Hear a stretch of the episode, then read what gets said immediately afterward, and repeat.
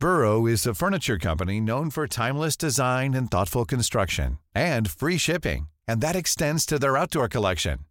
Their outdoor furniture is built to withstand the elements, featuring rust-proof stainless steel hardware, weather-ready teak, and quick-dry foam cushions.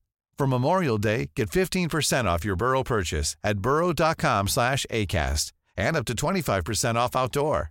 That's up to 25% off outdoor furniture at burrow.com slash ACAST. Hey, it's Ryan Reynolds, and I'm here with Keith, co star of my upcoming film, If, only in theaters, May 17th. Do you want to tell people the big news?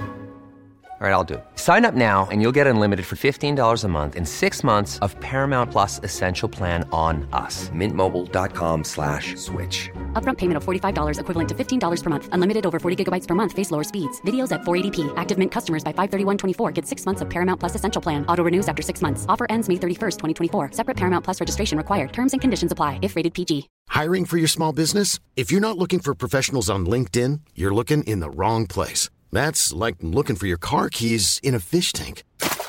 LinkedIn helps you hire professionals you can't find anywhere else, even those who aren't actively searching for a new job but might be open to the perfect role. In a given month, over 70% of LinkedIn users don't even visit other leading job sites. So start looking in the right place. With LinkedIn, you can hire professionals like a professional. Post your free job on linkedin.com slash people today. Du lytter til en podcast fra TV2.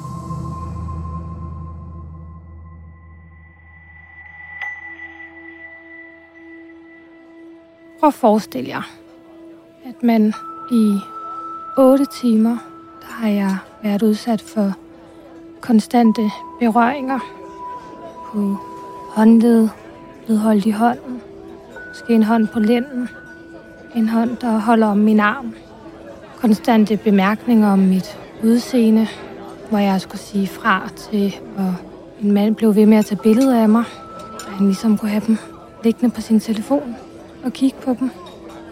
En mand, der havde hånden på min bagdel. Efter otte timer med det, der når jeg til det punkt, hvor jeg tænker, jeg skal simpelthen ikke rydde det bord. Jeg skal ikke række ind over og tage deres tallerkener.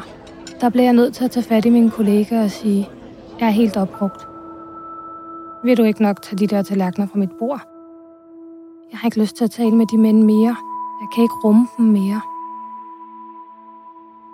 Og samme weekend, der havde jeg en mandlig kollega i 40'erne.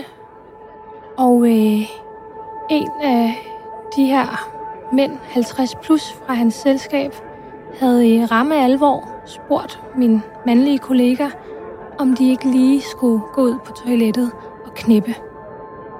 Hvor han også bliver nødt til at fortælle en af os andre, at det kan han ikke rumme, og at den anden bliver nødt til at tage hans spor. Og man får lidt følelsen af, at den her type julefrokostgæster, de tror, at de sammen med den julefrokost, de har forudbestilt, og så købt tjeneren med i pakken,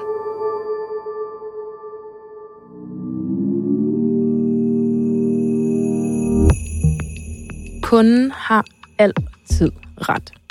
Det er måske den vigtigste regel for servicepersonale. Eller er det? Julefrokostsæsonen er godt i gang, og med den følger fulde gæster i store grupper.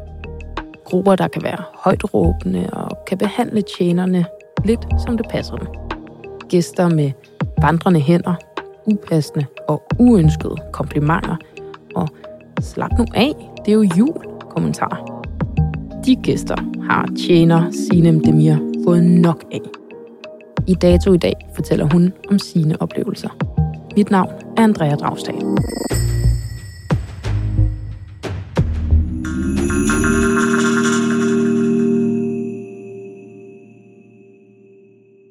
Sinem Demir, du er først og fremmest her i dag, fordi du arbejder som tjener. Det har du gjort i 10 år. Derudover så er du i bestyrelsen for 3F. Du er forkvinden for det, der hedder Brancheklub Hotel og Restauration København. Og så er du også politiker og sidder i Københavns borgerrepræsentation for enhedslisten. Og med alle de kasketter, så forestiller jeg mig, at du også skal til en hel del julefrokoster i år. det kan jeg ikke komme udenom. Det skal jeg. Hvad er en god julefrokost for dig? En god julefrokost for mig, det er med nogen, jeg kan lide. hvor vi kan have nogle gode samtaler med rigtig god mad, hvor vi sammen kan kigge på vinkortet og vælge nogle gode vine. Det kan da også være, at vi skal smage en enkelt snaps, bare lige sådan for at holde fast i traditionerne. Hvad så, hvis du tager øh, tjenerskjorten på? Hvad er en god julefrokost for dig som tjener? Det er, når gæsterne viser opmærksomhed og lytter, når jeg præsenterer maden. Når jeg kan se, at de er tydeligt glade, og de sætter ord på, at de synes, det har været fremragende, både mad og betjening. Og jeg synes også, det er rigtig sødt, når der er nogle af dem, der gerne vil give mig hånden. Så giver vi lige et fast håndtryk, og så sender jeg dem ellers videre og ønsker dem en god bytur, hvis det er det, de skal. For mig er det en rigtig god julefrokost som tjener, når jeg bare kan se, at de har haft en fantastisk oplevelse. Hvor almindelig er den slags god opførsel, vil jeg kalde det, til julefrokoster? Den er almindelig, når der kommer familier ind. Den er almindelig, når det er grupper af unge mænd. Og også almindelig, hvis det er grupper, der er blandet i både alder og køn. Så sker det faktisk, at det er den måde, de forlader restauranten på. Hvornår opfører gæsterne sig ikke på den måde? Jeg er ikke så glad for at skulle generalisere, men når det går galt, er det ofte, når det er grupper af mænd over en vis alder. Alene den aldersgruppe, og alene mænd. Det virker næsten som om, de gejler hinanden lidt op. Så sådan en gruppe midaldrende mænd alene i byen. Det er dem, der er sværest som tjener. Det er det bestemt. Altså, det er der, hvor man begynder at overveje, om man overhovedet skal skænke den første øl. Nu sidder vi to unge kvinder og taler om det. Hvis nu jeg havde været en midaldrende mand, var jeg måske blevet lidt stødt over, at du sådan skar dem over en kamp og sagde, men det er bare typisk dem. Der er selvfølgelig også nogen, der ikke gør det. Men når jeg kigger på, hvem der primært opfører sig, hvis jeg skal sætte min boks i en kategori, så tilhører de bare den kategori, som øh, overskrider mine grænser. Enten med en enkelt bemærkning, eller lige at tage fat i min hånd, eller også decideret at have hånden på min bagdel, eller komme alt for tæt på mit ansigt, for lige at snuse til mig.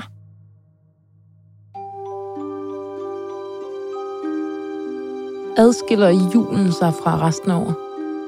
Det gør det bestemt. Og det er ikke fordi, at der ikke er ubehagelige oplevelser resten af året, men det er som om, det bare er dobblet med 100 i julefrokostsæsonen. Og jeg tror, det hænger sammen med her kombinationer af, hvem der er ude at spise, og hvor meget alkohol der også bliver drukket.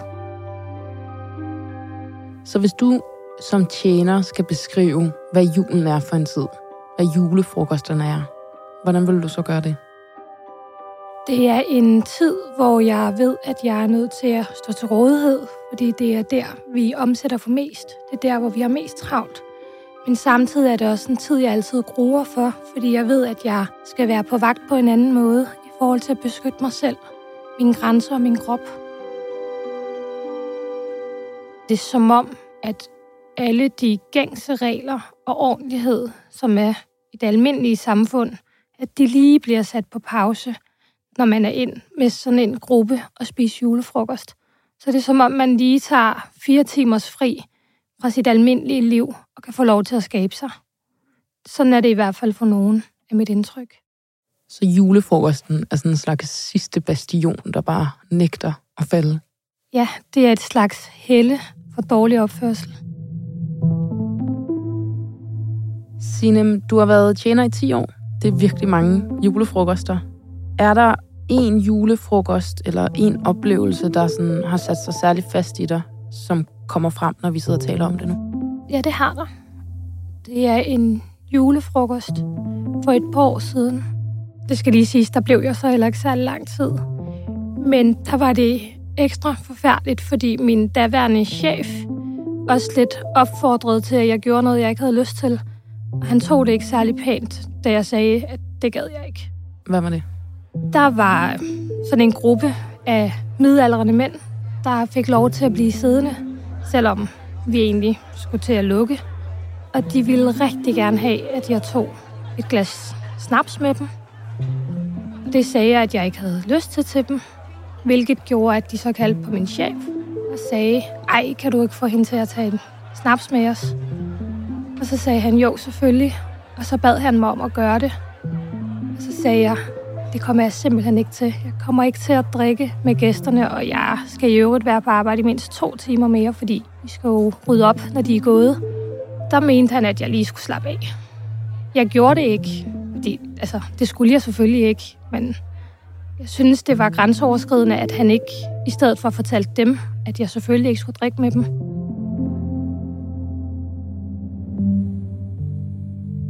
Hvad gør I som tjenere for at håndtere de situationer, der kan opstå med dårlig opførsel og ubehagelige gæster? Du skal først og fremmest være rigtig god til at tælle til 10 en milliard gange i løbet af en arbejdsdag. Så tænker jeg over, øh, hvilke situationer jeg sætter min krop i. Jeg er eksempelvis ikke så glad for at skulle række ind over bordet for at rydde tallerkener, fordi så er mine hænder ikke fri. Og så har jeg sværere ved at skubbe hænder væk, hvis nogen begynder at synes, de lige skal mærke på min ryg, min lænd, mine hofter, min bagdel. Det er ikke en position, jeg er så glad for at sætte mig i, men det er jo noget, jeg egentlig skal gøre. Et par omgange, mens jeg kører en julefrokost, så kan jeg godt finde på at tage fat i en kollega, hvis det drejer sig om et bord, der allerede har krydset mine grænser en 10-15 gange, og bede om hjælp, så jeg ikke skal stå der alene, mens jeg gør det. Hvad kan kollegaen så gøre? Altså, jeg kan være så fræk. Nu arbejder jeg primært med mænd. Ikke at de ikke også bliver udsat for det, men jeg tror, jeg bliver udsat for det et par gange mere, end de gør. Så bed dem om, og om de ikke vil hjælpe mig med at rydde mit bord for tallerkener, mens jeg eventuelt kan passe deres gæster, så jeg ligesom kan holde øje med deres bord, mens de lige rydder mit bord. Der plejer jeg altid at få et ja, fordi de ved godt, at hvis jeg er nået til det punkt, hvor jeg beder om det, hvilket jeg ikke gør så tit, så er alle grænser krydset flere gange. I bytter simpelthen bruger. Ja, nogle gange øh, midlertidigt, eksempelvis hvor det kun er bordene, der skal ryddes. Og hvis der har været helt gralt, så kan jeg godt sige, hvis du har det her bord resten af den tid, de er her, så skal jeg nok tage det og det bord for dig, så vi stadig har en rimelig arbejdsfordeling. Er det også sket i år?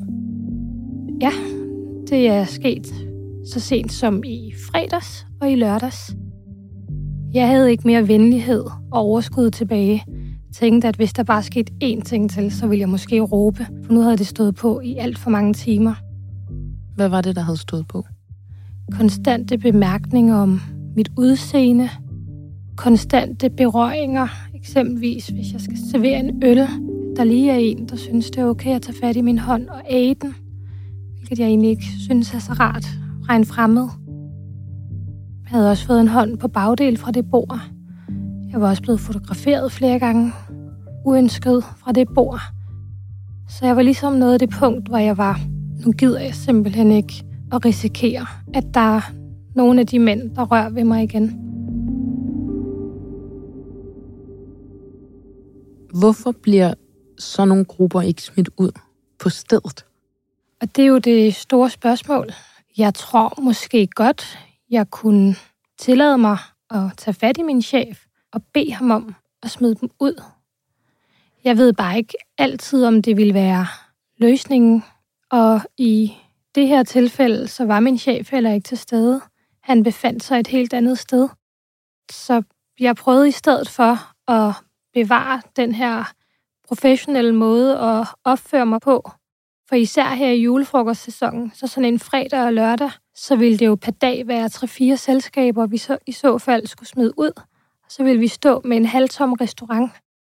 3-4 selskaber per dag, siger du. Det lyder virkelig mange. Det kunne jeg godt forestille mig. Altså alene i fredags havde jeg fire selskaber, der på den ene eller den anden måde krydsede mine grænser. Ved det ene af selskaberne var det kun den ene mand, og så var der også tre hele selskaber, der krydsede mine grænser. Så alt i alt var det fire gange henholdsvis 8 og 10 personer, jeg så skulle smide ud. Og der ville jeg altså få dårlig samvittighed over for min arbejdsgiver, som i øvrigt lytter til mig med de her ting. Men sådan skal det jo heller ikke være. Så jeg ville jo bare ønske, at de kunne opføre sig ordentligt og få lov til at nyde, at de er ude for julefrokost. Men i løbet af aftenen, der går du så og tæller til 10 igen og igen og igen, og du bider det i dig. Hvordan oplever du det at skulle servicere folk, der opfører sig grænseoverskridende, og blive ved med at opretholde sådan en sød, høflig, venlig facade? Nu kalder jeg det en facade. Det er en facade, at øh, jeg fortsat præsenterer maden, at jeg fortsat spørger, om de mangler noget, og smiler lidt sammenvidt til tider. Jeg synes faktisk også, det på en eller anden måde er grænseoverskridende, at jeg på den måde skal lægge bånd på, hvad jeg egentlig føler. Og det der med konstant at skulle være på vagt for sin krop og beslaglægge sig selv på en måde. Og øh, udover at tælle til 10, så kan jeg også finde på at gå udenfor i den her bidende kulde og stå derude i to minutter og husk, nu er der kun 20 dage tilbage af julefrokostsæsonen. Gør I også det sammen, altså tjenerne imellem? At vi tæller ned til julefrokostsæsonen er slut. Datoen siger den 22. Øh, november, og det betyder jo, at julefrokostsæsonen den så småt står for døren. Og i år der lyder opfordringen, at de skal løbe af stablen uden grænseoverskridende adfærd, rettet mod dem, der serverer øl, snaps og rødkål. Så lyder det fra brancheforeningen Horesta, der sætter gang i en ny kampagne. Julefrokostsæsonen har fået hotel, restaurant og turisterhvervets egen brancheorganisation til at komme med lidt af en løftet pegefinger. Horesta har lanceret kampagnen Hånden på hjertet, ikke på lovet. Der skal minde os alle sammen om at behandle personalet til julefrokosten med respekt. Fra Horeste lyder det, at kampagnen også er et løfte til tjenerne om, at det er en samlet branche, der står bag den, hvis, eller jeg bør jo faktisk nok sige, når de oplever grænseoverskridende adfærd. Sådan her beskriver Horestas administrerende direktør Pia Foss formålet. Der er for mange, som bliver udsat for krænkende adfærd. Det er ikke sådan, man opfører sig, når man går ud og spiser. Det er ikke i orden, og man har støtte, når man siger fra over for det. Man skal ikke finde sig i det. Man skal gå til sin nærmeste chef, og så skal man øh, der få hjælp til at løse problemet. Hvad har du brug for som tjener for, at det bliver mere trygt at gå på arbejde? Jeg synes, det er fint, at Horesta laver den her kampagne, men Horesta kunne også overveje, om øh, de skulle lave ekstraordinære klokkeklare retningslinjer, som måske er lidt skarpere end normalt her til julefrokostsæsonen, til restauratørerne, altså til de forskellige, dejer restauranterne, som de kunne følge. Fordi hvis der kom en form for vejledning i højere grad, og øh, der blev sat større fokus på det her op til julefrokostsæsonen, så kunne det være, at der var flere restauranter, der øh, også tænkte over, at hey, nu er det måske en tid, hvor jeg ikke skal håne mit personale, men prøve at hjælpe dem. Håne personalet? Oplever du restauratører, der håner deres personale? Jeg mener, at eksempelvis det øh, tidligere eksempel, jeg havde med en chef, der rigtig gerne ville have, at øh, jeg tog noget snaps med nogle gæster, på trods af, at jeg virkelig ikke havde lyst, og jeg ikke burde, der følte jeg, at han hånede mig, for at jeg ikke bare kunne gøre det, og at han jo ligesom mente, at jeg var for sippet. Og det gør det jo meget utrygt, når man egentlig bare gerne vil passe sit job, hvis man ikke føler, at man kan gå til sin chef. Og det betød også, at da jeg blev udsat for noget andet en anden gang, så var det i hvert fald ikke ham, jeg tog fat i. Fordi jeg følte, at han alligevel ikke ville have min ryg. Der synes jeg, det kunne være rart, hvis alle chefer uanset om det er på en bar eller en restaurant, café, ligesom viser deres personale. Selvfølgelig kan du komme til mig, og selvfølgelig må du sige fra, hvis nogen er grænseoverskridende for dig. Er det så ikke lige præcis det, Horesta gør med en kampagne, hvor de forsøger at sige, at man skal vide som tjener, at hele branchen står bag dem? Jo og nej, fordi Horestas kampagne kan jeg som tjener som sådan ikke bruge til noget, fordi det er ikke Horesta, der kan komme kl. 21 på min arbejdsplads og træde til, hvis der er en, der smækker mig bag i. Horester er der ikke. Og hvis den gæst ikke har set den kampagne, eller er ligeglad med den kampagne, så nytter det heller ikke noget. Nu er det jo heller ikke alle restauranter, der er medlem af Horester, som det er også nogle andre spillere, der skal tage noget ansvar. Nu har du selv været tjener i 10 år. Du er blevet mere voksen i de 10 år, synes du, at du igennem den tid kunne have været bedre til selv at gå til cheferne, selv at kræve noget af dem? Så jeg er uden tvivl blevet bedre til det. Øhm, nogen vil næsten mene, at jeg går for ofte til chefen. Jeg går til chefen med det mindste, hvis der er et eller andet, jeg synes skal laves om, og det øh, griner vi også af. Men som jeg får at vide, altså hvis vi ikke gør det, så ved de jo ikke, at det problem eksisterer. Det kan jeg jo se har ændret sig. Så jeg glemmer aldrig første gang, jeg blev smækket bag i. Det er faktisk præcis 10 år siden. Der øh, frøs jeg. Jeg kiggede bag til og kiggede på, hvem der gjorde det. Så vidste jeg ikke, hvad jeg skulle sige. Så gik jeg bare videre. Og Jeg fik det heller ikke sagt til min chef dengang. Jeg var jo egentlig voksen, jeg var stadig 21, men det var bare noget andet. Hvorimod i dag, der får jeg både sagt fra, og får det sagt til, om jeg kan finde min chef eller en kollega i nærheden, fordi så skal jeg i hvert fald ikke have det bord. Ja, og når jeg trækker din alder ind i det, så er det fordi, jeg forestiller mig, at i en branche, hvor rigtig mange er meget unge, og også er relativt nye på arbejdsmarkedet af den grund, kan det også være sværere at få skabt rammer, hvor man kan sige fra, og få skabt en tryghed i, at man kan sige fra. Ja, præcis. Vi er jo også en branche med mange elever, og vores elever kan være helt ned til 15 år. Det er jo bekymrende. Altså der, hvor jeg er lige nu, der har vi en elev på 19, og øh, jeg kan jo ikke lade være med at have rigtig lange ører, når hun står tæt på og har nogle gæster. Fordi jeg føler lidt, det er mit ansvar at være der, hvis øh, nogen begynder at være grænseoverskridende over for hende. Hun skal i hvert fald ikke føle, hun er alene på nogen måde. Nej, og derfor er det vel også dit ansvar. Man har vel altid et ansvar for sine kollegaer, og på den måde kan I være bedre til også at hjælpe hinanden. Jo, helt enig. Det er jo mere for at sige, at jeg føler et ekstraordinært ansvar, når vi har med en elev at gøre, som er under 20 år, som måske ikke har noget og haft det forløb, som jeg jo har haft, hvor jeg er gået fra, at jeg frøs første gang, til nu, så fjerner jeg folks hænder og beder dem om at stoppe. Hvis du skulle opsummere det at arbejde som tjener, vil du så sige, at du føler dig respekteret, når du går på arbejde? Jeg føler mig respekteret nogle dage, hele dagen, nogle dage, halve dage, i fredags de første to timer. Hvad tror du er forklaringen på den manglende respekt, du oplever? Jeg tror først og fremmest, at der desværre er nogen, der ikke anerkender servicefag som værende vigtige, som værende et fag, der skal haves respekt for. Det kan være på mange måder.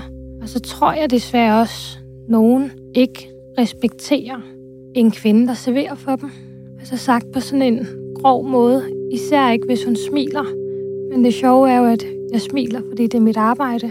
Så kan jeg også smile, hvis gæsterne er søde sådan helt oprigtigt. Det gør jeg også tit. Men jeg tror, det er kombinationen fra nogens side om, at de hverken generelt respekterer personer, der er i servicefag, men at de måske heller ikke respekterer en ung kvinde, der alligevel skal smile og servicere dem.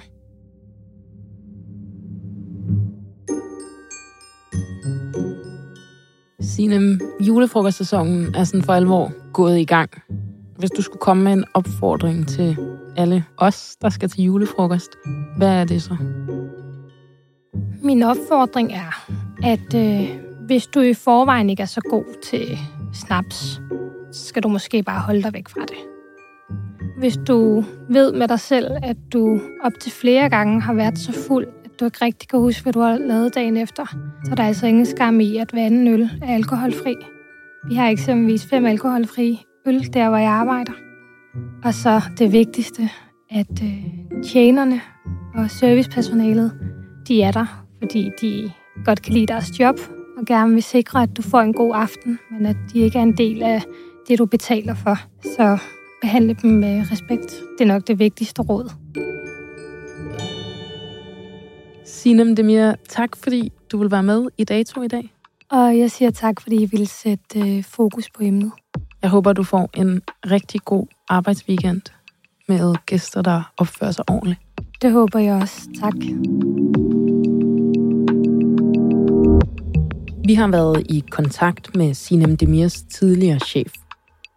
Han afviser, at hændelsen, hvor Sinem Demir angiveligt blev bedt om at drikke snaps med gæsterne, har fundet sted. Over for Horesta har vi fremlagt Sinem Demirs forslag om at indføre klokkeklare retningslinjer for, hvad restauranterne tillader i julefrokostsæsonen. De skriver sådan her. Som medlem af Horesta kan man hente et udkast til personalepolitik, så man selv kan tilpasse sin egen virksomhed. Derudover leverer vi en til en rådgivning til vores medlemmer, hvis de ønsker det. Dato i dag er tilrettelagt af Mathias Bundgaard. Lyddesign stod Pauli Galsgaard for. Redaktør er Astrid Louise Jensen. Og mit navn er Andrea Dragsdal. you